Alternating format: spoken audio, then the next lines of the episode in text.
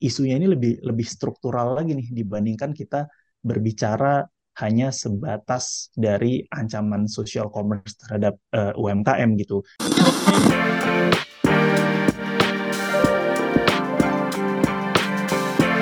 Hai sahabat ICID, kalian sedang mendengarkan podcast Suara Akademia. Ngobrol seru isu terkini bareng akademisi. Taman sosial media lagi rame nih buat membincangkan um, tren pasar Tanah Abang yang semakin hari semakin sepi nih sahabat ICID. Nge-refer uh, kondisi pasar Tanah Abang saat ini itu lebih banyak uh, yang berkomentar tentang masifnya perkembangan TikTok Shop gitu ya, masifnya perkembangan social commerce di Indonesia ini jadi dua mata pisau gitu kalau misalnya kita ngelihat. Ada beberapa orang yang berpendapat bahwa TikTok Shop ini memberikan suntikan dalam tanda petik untuk kemajuan UMKM, tapi ada yang melihat juga ini sebagai pembunuh gitu. Jadi social commerce ini uh, punya dua sudut pandang. Kira-kira baiknya kita ngeliatnya gimana gitu kan? Apakah memang ini sebenarnya bisa mendukung UMKM lebih jadi berkembang atau justru malah membunuh UMKM itu sendiri? We'll discuss about it Welcome to Suara Akademia. Nama saya Muammar Syarif. Saya podcast produser dari The Conversation Indonesia dan buat kali ini kita bakal ngobrol bareng sama Mas Adinova Fauri. Biasa dipanggil Mas Ino, beliau dari CSIS sebagai peneliti dari Center for Strategic and International Studies Indonesia. Halo, Mas Ino, apa kabar, Mas? Halo, kabar baik, Mas Syarif. Halo, halo. Ah. Anyway, Mas Ino, uh, pertanyaan pertama nih, mungkin ngelihat berita soal pasar Tanah Abang yang sepi dan banyak yang pointing ke TikTok Shop dan perkembangan social commerce yang lumayan masif gitu ya. Mungkin ada tanggapan nih Mas ngelihat perkembangan social commerce dan juga pasar Tanah Abang yang sepi. Ada opinion, Mas Ino? Um, yang pertama adalah uh, saya rasa uh, iya ya memang uh, perkembangan dari TikTok Shop, uh, social commerce in general ini memang uh, sangat masif ya dan tidak hanya di Indonesia sebenarnya ini adalah tren uh, global kita melihatnya gitu. Kenapa uh, demikian? Karena memang um, nature dari social commerce ini yang memang agak sedikit berbeda dengan e-commerce dan memang memiliki opportunity-nya sendiri gitu. Hmm. Um, seperti misalnya kalau kita bicara uh, social commerce itu sebenarnya apa sih social commerce itu?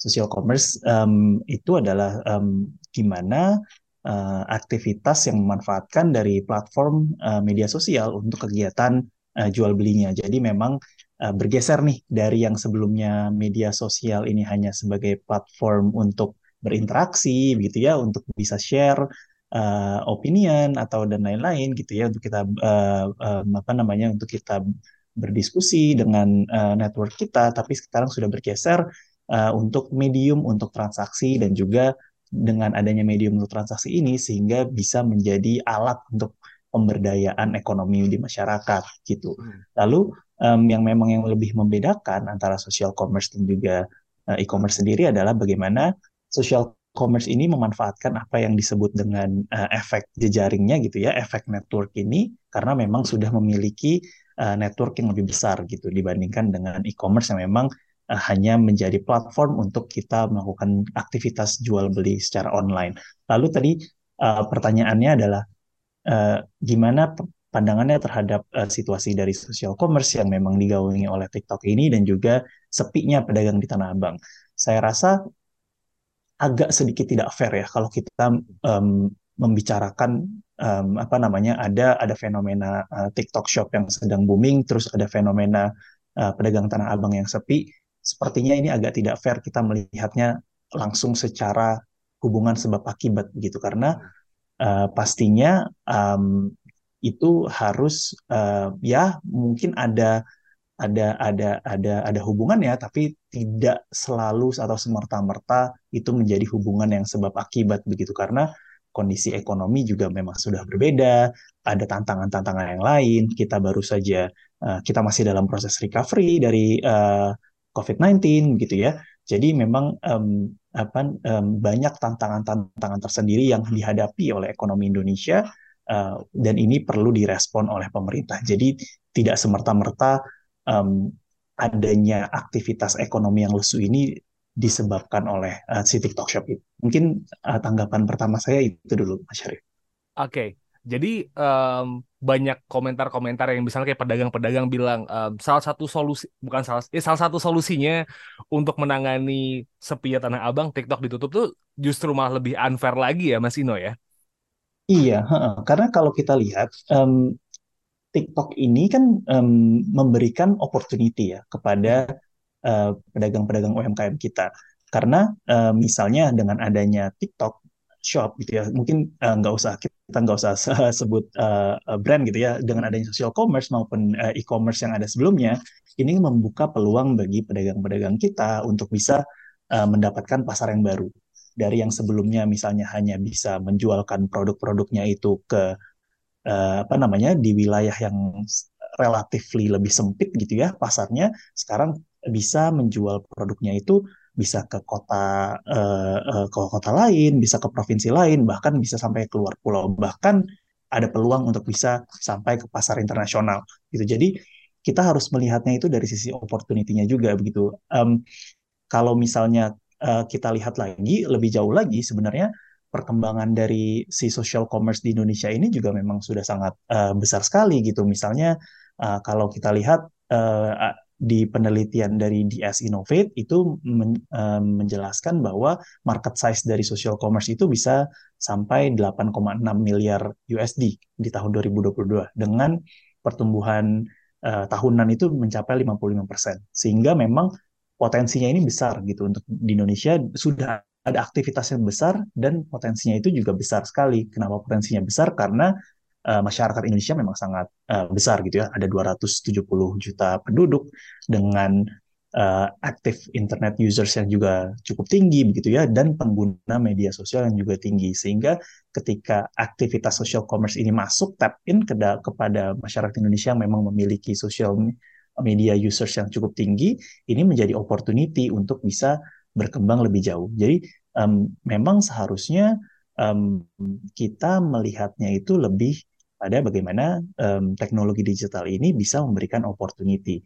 Yes, mungkin ada beberapa tantangan-tantangan lain dan itu yang harusnya menjadi uh, apa namanya kerjaan bersama dari pemerintah bagaimana nantinya bisa melihat Eh, digitalisasi ini menjadi suatu peluang dari UMKM-UMKM kita. Tapi kalau kita berbicara langsung spesifik ke social commerce yang ngetrennya di TikTok gitu ya, karena kalau ngelihat uh, dinamika sosmed, Instagram ada shopping pun tidak semasif itu gitu. Penjualan sih di TikTok dan TikTok mengeluarkan Project S nih, uh, Mas Ino gitu, yang bisa dibilang sih respon netizen atau masyarakat di luaran sana itu menganggap ini jadi ancaman besar untuk UMKM Indonesia karena kan Project S ini tuh mereka bakal produksi barang di China terus di uh, impor ke negara-negara tertentu gitu ya di Inggris itu jadi obrolan yang lumayan gede banget. Nah kira-kira ancaman apa yang perlu diwaspadain ya dari social commerce ini sendiri, especially kalau misalnya memang uh, Project S-nya TikTok ini berjalan di Indonesia gitu mas?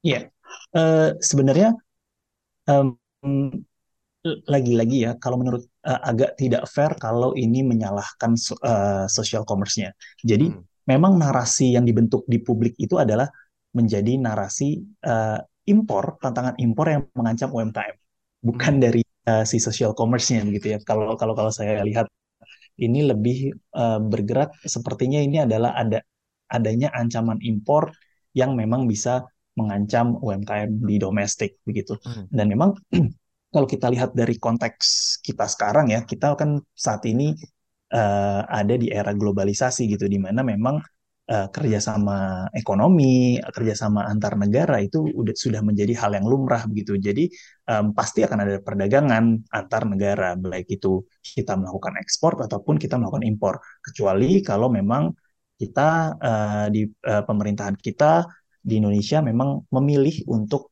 uh, menutup diri gitu ya untuk untuk untuk men, uh, untuk menjadi close economic countries gitu sehingga uh, apa namanya isunya ini bukan dari social commerce-nya tapi uh, isunya ini lebih kepada uh, impor ancaman impor terhadap UMKM kalau saya melihatnya ke sana gitu ya dan hmm. dan dan ketika kita berbicara hal tersebut saya rasa ini isunya ini lebih lebih struktural lagi nih dibandingkan kita berbicara hanya sebatas dari ancaman social commerce terhadap uh, eh, UMKM gitu. Kenapa? Karena uh, isu utamanya kalau saya boleh tarik agak lebih jauh gitu ya kenapa saya uh, bilang isu ini cukup struktural karena memang um, lapangan kerja di Indonesia memang uh, terbatas. Kenapa lapangan pekerjaan di Indonesia terbatas? Karena memang ada perubahan dari struktur ekonomi di Indonesia, misalnya gitu. Karena ada pergeseran dari yang awalnya itu kita didominasi oleh sektor uh, agrikultur, lalu pindah kepada sektor manufaktur, lalu sebelum sektor manufaktur kita uh, apa namanya memiliki kontribusi yang cukup besar, kita sudah shifting lagi ke sektor jasa, di mana sektor jasa ini biasanya tidak menyerap uh, banyak lapangan pekerjaan. Didorong lagi juga adanya penciptaan-penciptaan lapangan kerja baru yang berbasis teknologi, yang memang didasari juga oleh banyaknya pekerja-pekerjaan yang sifatnya informal. Jadi memang isu strukturalnya ini yang harus menjadi nuansa utama ya kalau kita melihat uh, fenomena ini gitu karena karena terbatasnya lapangan pekerjaan itulah makanya banyak dari kita yang uh, yang memilih untuk uh, menjadi atau untuk memilih untuk berusaha sendiri atau menjadi uh, pengusaha di UMKM gitu sehingga uh, yang diperlukan adalah seharusnya bagaimana pemerintah perlu untuk mendorong adanya penciptaan dan penyediaan lapangan kerja yang berkualitas terlebih dahulu. Uh, jadi tidak banyak uh, apa namanya yang lari ke sektor informal ataupun juga UMKM gitu. Lalu bagaimana dengan existing conditionnya gitu ya untuk sektor UMKM yang sudah ada? Yang perlu uh, dilakukan oleh oleh pemerintah adalah uh, memberikan uh, pengetahuan yang cukup gitu ya, memberikan pelatihan terus menerus, lalu juga memberikan perlindungan gitu. Um, saat ini memang uh, apa namanya uh, akses terhadap internet kita itu sudah semakin uh, baik gitu ya, uh, namun ini tidak inklusif dalam artian uh, penggunaan ataupun literasi dan kemampuan digital di Indonesia ini masih belum merata begitu. Mungkin di daerah-daerah perkotaan dan di kelas ekonomi menengah dan atas itu sudah cukup baik, tapi tidak secara merata untuk di daerah-daerah lain. Sehingga uh, perlu perlu adanya upaya dari pemerintah untuk bisa meningkatkan literasi dan juga kemampuan digitalnya. Dengan demikian diharapkan uh, apa namanya uh, UMKM kita juga bisa memanfaatkan uh, adanya um, digitalisasi ini untuk kegiatan yang lebih produktif untuk meningkatkan produktivitas. Bahkan kalau kita bicara tantangan dari UMKM ini lebih mendasar lagi, tidak hanya kita berbicara tentang uh, kemampuan digital, tapi bahkan secara infrastruktur. Misalnya kepemilikan smartphone, ini juga masih menjadi soal karena tidak semua uh, apa tidak semua masyarakat Indonesia memiliki smartphone tersendiri gitu. Banyak yang masih uh, smartphone-nya itu dimiliki secara bersama, secara keluarga, sehingga um, itu akan menyulitkan untuk beradaptasi dengan teknologi-teknologi baru. Hmm. Isu-isu yang lebih fundamental juga masih banyak, seperti misalnya isu untuk uh, pembukuan, gitu ya, untuk pemisahan dari pembukuan untuk usaha ataupun pembukuan untuk uh, keluarga itu kan harus dipisahkan agar uh, bisa terlihat lebih lebih jelas gitu ya, yang mana yang uh, yang mana yang biaya untuk usaha, yang mana yang biaya untuk keluarga, yang mana um, uh, uh, apa namanya profit dari usaha, yang mana yang pendapat untuk keluarga dan lain sebagainya. Jadi memang isu-isu yang lebih fundamentalnya itu dari UMKM kita ini yang perlu ditackle dan perlu dilihat terlebih dahulu sehingga pada akhirnya nanti ketika misalnya Project S ini benar-benar diterapkan, UMKM kita juga sudah siap untuk bisa lebih kompetitif. Lalu ada lagi isu lainnya itu yang memang sering dibahas di dalam uh, Project S ini adalah isu terkait dengan mungkin ini tidak tidak berkaitan langsung dengan UMKM ya, tapi ya. ini juga sesuatu yang sering dibahas juga di publik adalah isu terkait dengan uh, algoritma dan juga AI, di mana um, karena sekarang ini sudah dalam satu platform gitu ya ibaratnya media, uh, sebelumnya itu kan terpisah antara media sosial yang memang digunakan untuk memasak untuk kegiatan marketing dan juga um, e-commerce untuk aktivitas jual beli. Dan karena ini sudah dijadikan satu, jadi ada concern di mana algoritma dan AI ini semakin uh, bisa memprediksi apa keinginan dari si konsumen gitu. Mm -hmm. Dan ini um, kalau kita lihat sebenarnya memang sudah banyak gitu yang perusahaan-perusahaan berbasis digital yang melakukan ini, di mana perusahaan digital um, uh, mengkolek data, lalu memproses datanya, lalu mempackage-nya untuk kemudian dijual ke perusahaan-perusahaan uh, yang lainnya begitu ya untuk itu. Sehingga dari dari sini dari dari concern yang ini yang perlu dilakukan adalah uh, penguatan uh, ranah perlindungan data pribadi. Kita hmm. sudah ada undang-undang PDP, tapi uh, guideline dan juga aturan implementasinya itu belum ada sampai sekarang. Dan itu yang perlu uh, dipercepat untuk uh, dikeluarkannya aturan implementasi ini begitu karena um, yang pertama konsen itu harus jelas gitu ya. Um, ketika kita um, um, mendaftarkan diri kita platform media sosial dan itu artinya ada data kita yang di apabila ada data kita yang di, di, di, ditarik gitu ya atau diproses itu harus jelas untuk kepentingan apa kita harus tahu kita sebagai pemilik data dan dalam hal ini pengguna sosmed kita juga memiliki hak gitu ya untuk uh, menolak kita memberikan data atau jika data itu diproses secara lebih lanjut gitu. lalu um, yang saya lihat lagi isu lainnya yang terkait dengan project SI project dari TikTok ini adalah um, uh, pemberian diskon ya yang memang hmm. dianggap uh, menjadi uh, predatory pricing uh, untuk uh, UMKM UMKM lokal kita dan um, kalau kita berkaca dari strategi-strategi perusahaan digital sebelumnya memang ini yang dilakukan oleh perusahaan-perusahaan digital sebelumnya juga untuk mendapatkan network effect gitu. Apa itu network effect? Uh, yaitu suatu strategi untuk bisa mendapatkan um, banyak users gitu ya. Sehingga ketika users usersnya sudah banyak maka value dari uh, si platform ini juga akan meningkat. Karena semakin banyak pengguna maka akan juga menarik uh, orang-orang semakin banyak uh, uh, penjualnya akan semakin banyak lagi penggunanya. Jadi um, apa namanya value-nya terus meningkat secara uh, secara eksponensial gitu Um, dan dan ini um, ini adalah nature dari uh, perusahaan digital dengan pemanfaatan network effect seperti ini. Kalau kita larang hal in hal ini gitu ya aktivitas yang ada ini, maka ini malah menjadi kita malah menciptakan hambatan tersendiri untuk perusahaan-perusahaan baru yang mau masuk ke dalam pasar Indonesia seperti TikTok ini dan ini malah menjadi insentif untuk perusahaan-perusahaan yang sudah lebih established sebelumnya begitu. Hmm. sehingga dan kita um, uh, uh, sebaiknya tidak melakukan itu gitu ya. Karena kan um, uh, bagaimanapun juga uh, prinsip kompetisi ini harus digalangkan antar perusahaan juga. Kalau kita malah hanya memberikan hambatan untuk masuk itu malah bisa uh, berdampak negatif terhadap ekonomi gitu. Meskipun um, Eh, prinsip-prinsip dari good governance, prinsip-prinsip dari bagaimana uh, perusahaan digital ini harus lebih sustainable ke depan ini juga perlu dorong sebagai suatu strategi uh, utama dari perusahaan-perusahaan digital. Dan ini memang sudah terlihat dari strategi-strategi perusahaan digital existing kita di mana memang sudah banyak upaya untuk um, apa namanya untuk um, uh, untuk bisa menjalankan usahanya lebih ke arah yang uh, profitable begitu ya. Jadi tidak hanya um, um, um, um, um, mengumpulkan nilai yang lebih besar saja. Hmm. Mungkin uh, itu, Mas Syarif. Yeah. Uh, tapi jadi menarik juga kalau kita berbicara soal social commerce ini tuh kan sepertinya menguntungkan konsumen banget ya Mas Ino ya gitu. Jadi kayak memang uh, behavior konsumen yang karena mereka ya konsumen di mana-mana gitu.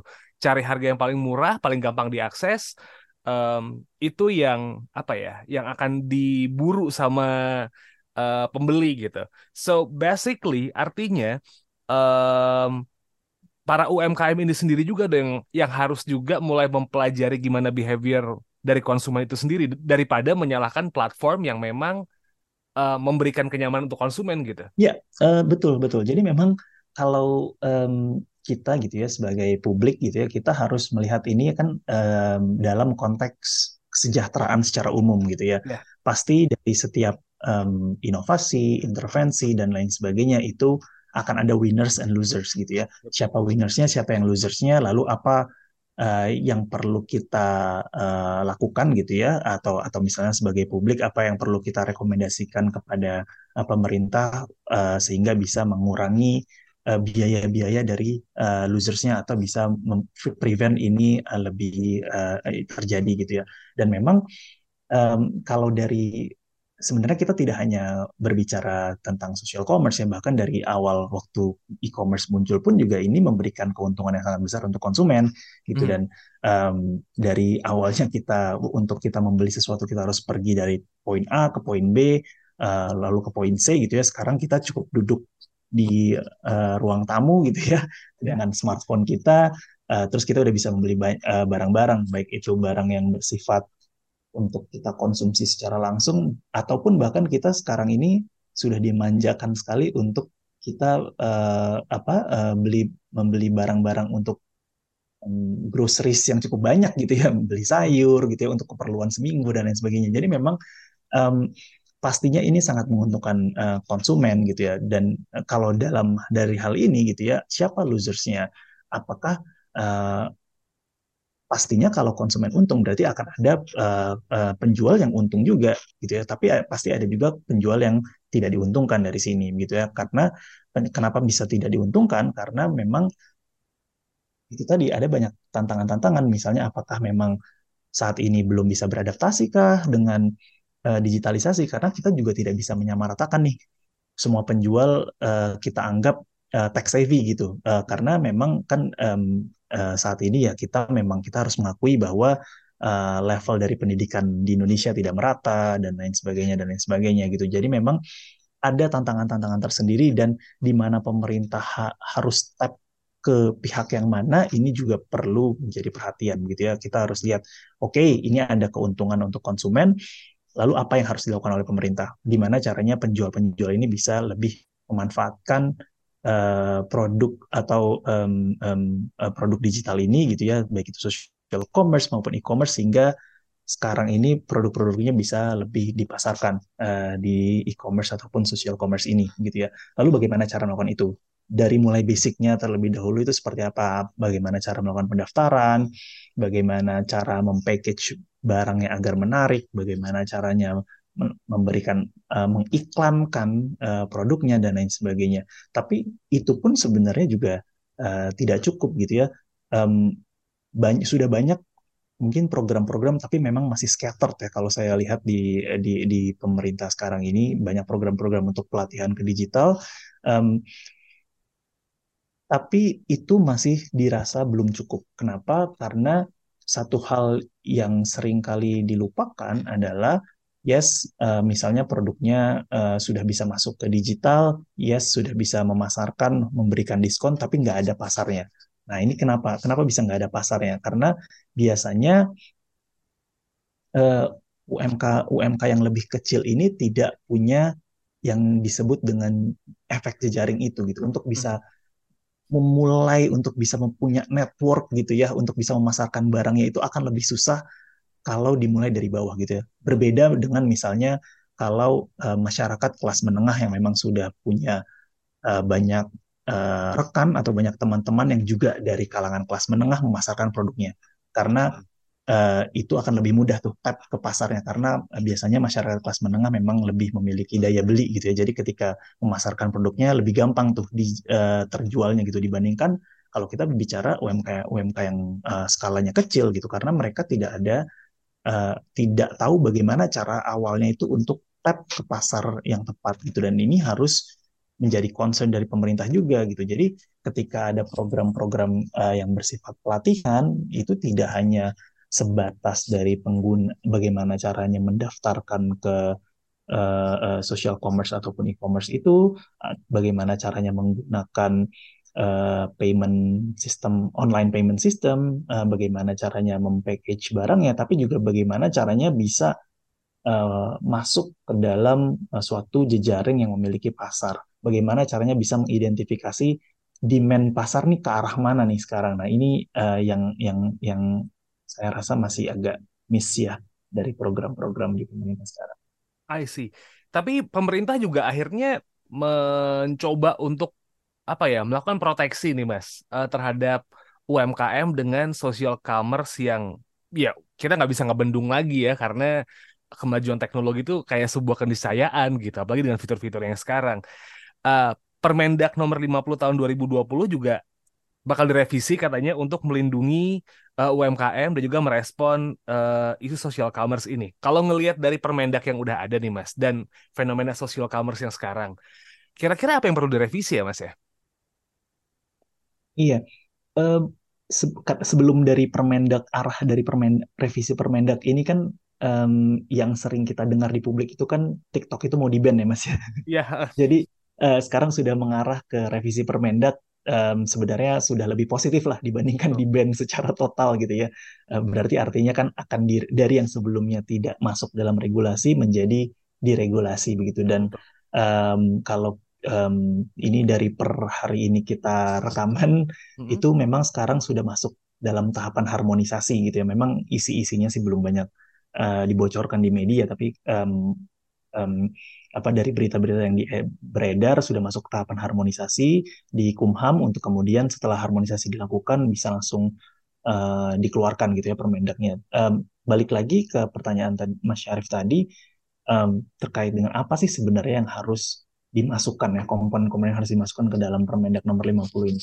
Um, yang pertama adalah kita harus tadi uh, benar juga gitu ya kemajuan teknologi ini adalah suatu keniscayaan yang memang kita harus uh, uh, hadapi itu gitu dan uh, selain itu yang perlu kita harus akuin ini adalah bagaimana kecepatan dari inovasi, uh, perkembangan teknologi dan lain sebagainya ini pasti tidak akan bisa diimbangi oleh regulasi. Itu pasti. Jadi pasti regulasi akan selalu tertinggal dari kecepatan teknologi dan juga uh, inovasi. Hmm. Um, bahkan uh, biasanya um, kalau dari teman-teman di uh, industri itu bilangnya um, apa istilahnya um, lebih baik uh, minta maaf daripada minta izin gitu ya. Iya, kurang lebih seperti itu gitu. Um, jadi memang um, itu itu udah sesuatu yang uh, kita harus um, amini lah ya. Um, regulasi tidak akan bisa uh, selalu uh, apa namanya mengikuti perkembangan zaman. Jadi apa yang harus dilakukan itu sebenarnya adalah bagaimana dalam pembuatan uh, regulasi itu adalah sesuatu yang bersifat uh, prinsipil dan juga berorientasi pada perlindungan konsumen. Sebenarnya pemerintah tidak harus benar-benar uh, masuk gitu ya kepada bisnis model ini bisnis modelnya seperti apa dan lain sebagainya terus untuk kemudian diregulasi. Karena um, pada akhirnya ketika ada inovasi yang baru nanti harus berubah lagi berubah lagi dan lain-lain gitu. Jadi memang sebaiknya sebenarnya itu orientasinya itu adalah bagaimana oke okay, ada ada ada suatu fenomena baru bagaimana upaya dari pemerintah untuk bisa memberikan perlindungan yang lebih terhadap konsumen gitu. Karena dalam hal ini um, kalau dalam aktivitas uh, jual beli itu pastinya kan ada power imbalance ya. Uh, konsumen pasti memiliki um, power yang lebih rendah dibandingkan si penjual gitu ya. Dan di situlah tugasnya pemerintah untuk masuk untuk bisa memberikan uh, perlindungan terhadap konsumen gitu. Terkait dengan komponen apa yang harus dimasukkan gitu ya saya rasa memang cukup uh, cukup uh, debatable gitu ya. Misalnya, let's say social commerce mau dimasukkan ke dalam Permendak, apakah definisi dari uh, uh, apa namanya penyedia um, uh, jasa elektronik itu akan dirubah atau seperti apa? Lalu um, apa uh, apa namanya definisinya ini akan dirubah seperti apa begitu? Karena kan um, sebelumnya ini adalah secara definisi dari Permendak nomor 50 itu adalah um, yang diatur adalah penyedia sarana komunikasi elektronik yang digunakan untuk transaksi perdagangan. Apakah ini sudah cukup mencakup bisnis model model dari uh, social commerce atau belum? Misalnya seperti itu. Lalu bagaimana dengan um, sosial aktivitas social commerce yang lain? Misalnya um, berjualan di grup WhatsApp. Apakah ini nantinya akan diatur juga dalam Permendak 50 atau tidak gitu? Atau um, hanya ini khusus untuk sosial media yang memang sudah memiliki fitur jual beli atau seperti apa. Um, lalu di fitur jual beli ini harus ada komponen apa? Apakah misalnya harus ada komponen kantung untuk uh, pembayaran begitu ya? Jadi pembayaran tidak dilakukan secara langsung dari konsumen pada penjual, yaitu ada uh, yang artinya akan ada uh, pihak ketiga gitu ya baik itu si uh, penyedia um, si penyedia platform atau siapa pun itu gitu ya untuk bisa memberikan perlindungan atau seperti apa. Jadi secara definisi ini menurut saya adalah sesuatu yang perlu um, diperhatikan juga oleh pemerintah definisi seperti apa yang akan dimasukkan oleh pemerintah untuk bisa mengakomodasi bisnis model seperti social commerce ini. Um, lalu um, komponen lainnya adalah terkait dengan standar dari produk. Yeah. Um, ini lagi-lagi kaitannya adalah untuk keperlindungan konsumen. Bagaimana produk yang diperdagangkan perdagangkan itu harus bisa memiliki uh, keterangan kandungan, lalu memiliki standar akan kesehatan dan keamanan dan lain sebagainya. Lalu uh, hal lain yang perlu diperhatikan misalnya adalah aturan terkait dengan arus barang dan juga pembayaran. Misalnya arus barang ini adalah impor, berarti uh, bagaimana nanti uh, itu masuk ke dalam um, tarif impor yang mana gitu ya. Jadi um, ini juga harus uh, uh, dilihat oleh oleh oleh pemerintah. Pembayarannya seperti apa? Apakah um, diwa, misalnya diwajibkan untuk bertransaksi menggunakan sistem pembayaran yang ada di Indonesia atau seperti apa. Lalu um, isu lain eh, yang juga um, penting untuk dimasukkan ke dalam Permendak ini adalah terkait dengan uh, resolusi dari konflik atau dispute resolution gitu ya. Hmm. Kalau misalnya nanti terjadi permasalahan antara penjual dan pembeli, ini siapa yang akan menyelesaikan? Apakah uh, social commerce? Di sini penyedia jasa social commerce bisa menjadi uh, untuk bridging resolusi konflik ini atau tidak gitu? Atau atau seperti apa? Siapa yang akan bertanggung jawab ini gitu? Jadi memang yang harus diutamakan dari pemerintah adalah bagaimana prinsip-prinsip dari uh, perlindungan terhadap konsumen ini. Bagaimana misalnya nanti terjadi komplain dari konsumen, siapa yang akan menyelesaikan ini?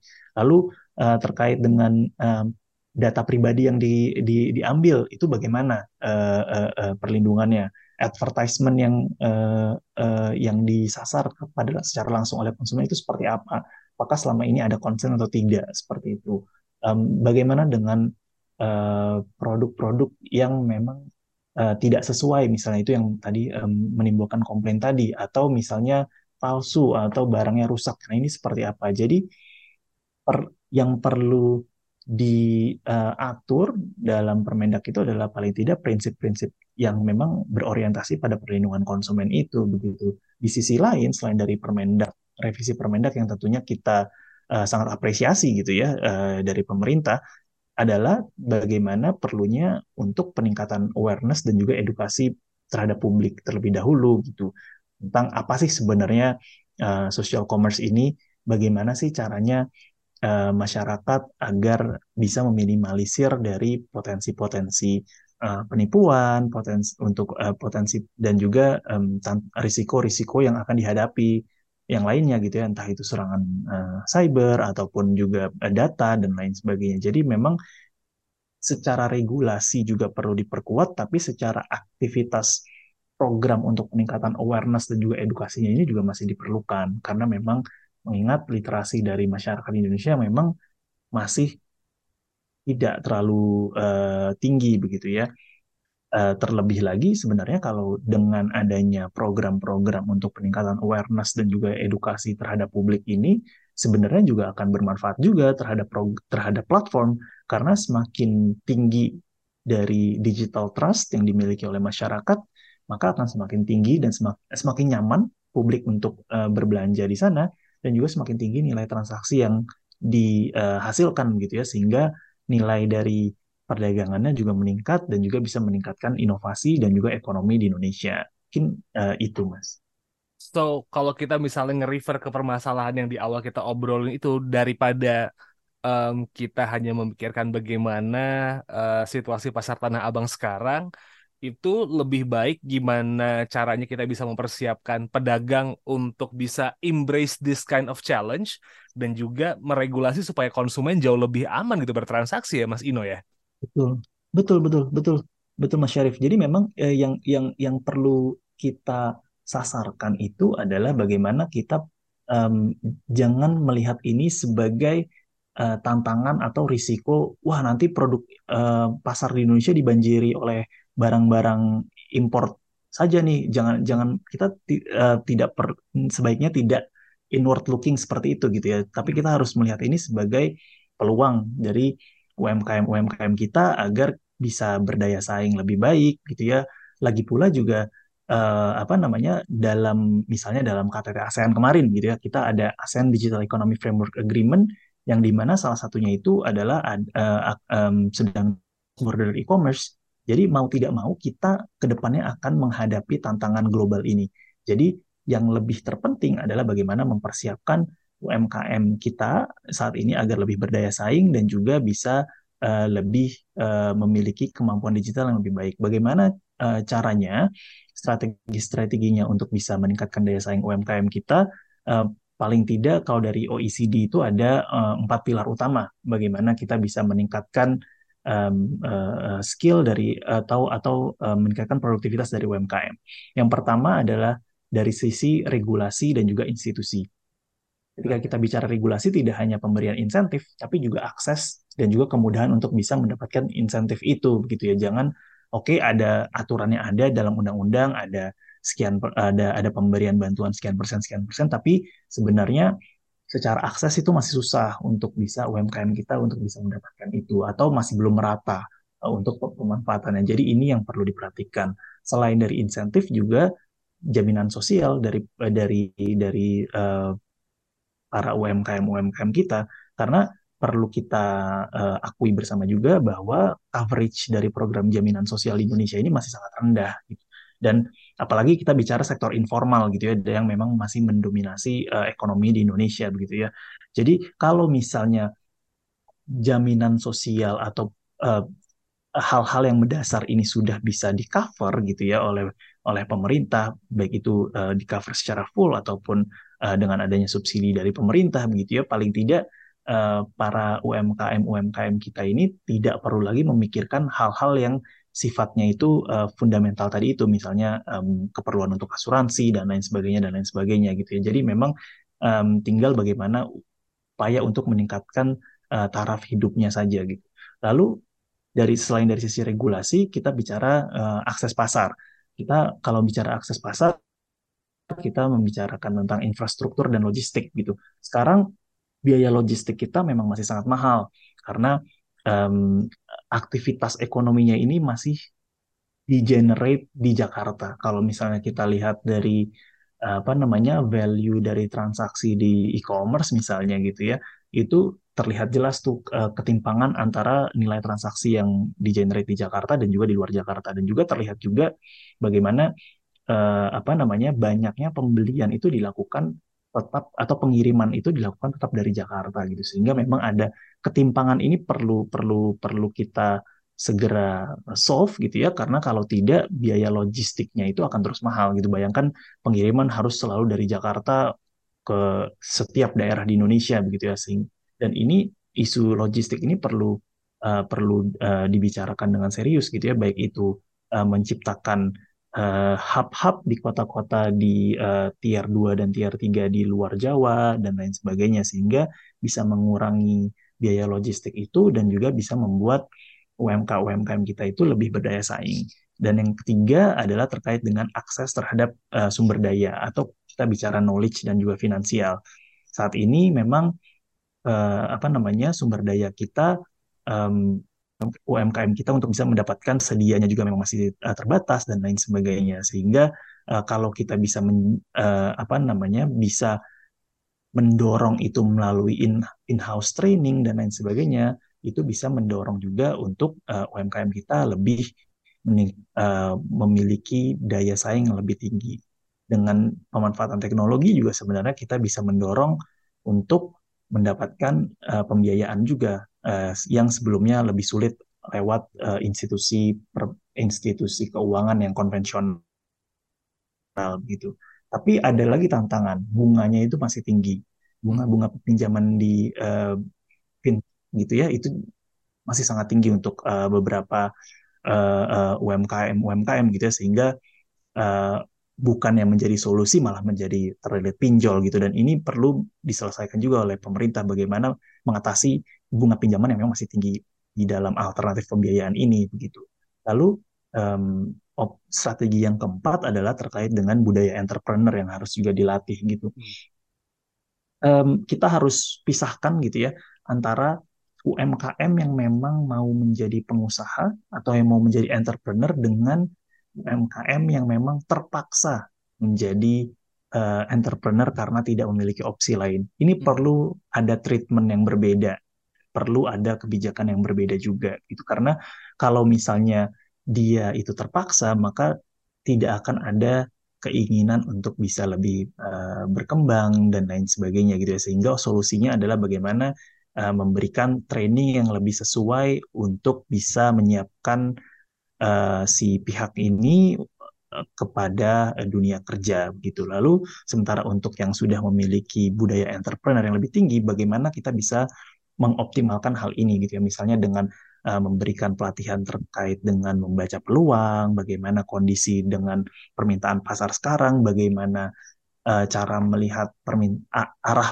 arah permintaan pasar ke depan, mengkalkulasi risiko-risiko dan lain sebagainya sehingga um, tiap kebijakan yang lebih tailored ini nantinya bisa lebih efektif begitu dan dan memang tidak hanya kita harus bedakan dari UMK yang memang memiliki budaya entrepreneur dan tidak saja gitu, tapi juga secara stagingnya juga perlu kita bedakan apakah UMKM ini masih di tahapan awal, masih dalam survival atau lebih, sudah di tahapan yang lebih mature gitu ya. Dan ini juga perlu uh, intervensi yang uh, berbeda-beda juga gitu ya.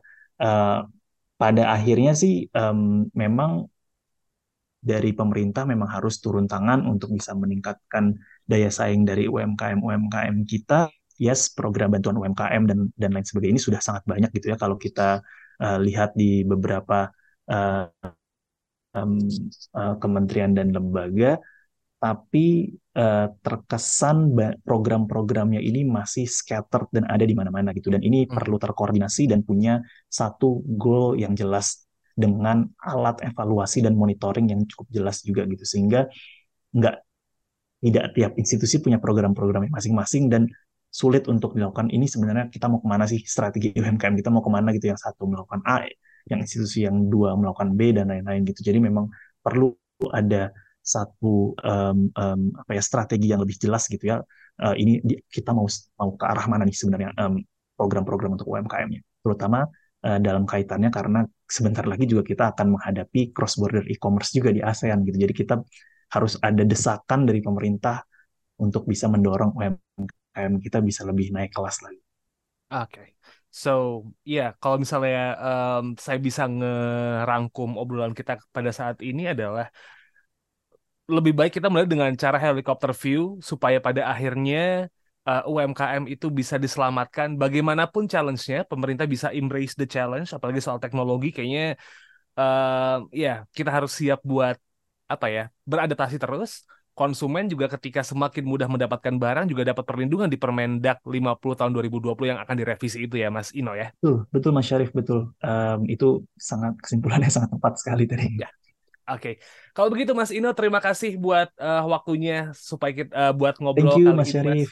Yep, you're welcome. It's such an honor for me to talk and discuss about it. Dan buat sobat ID, kalau misalnya emang pengen tahu kira-kira uh, teman-teman dari CSIS itu sedang mengeluarkan rilisan terbaru apa gitu bisa langsung web cek aja di websitenya di cscs.or.id atau di sosial media di @cscs Indonesia itu ada di Twitter dan juga di Instagram ya. Kalau begitu saya Muhammad Syarif pamit. Once again, thank you so much Mas Ino buat waktunya. Kita ketemu lagi di next episode. Assalamualaikum.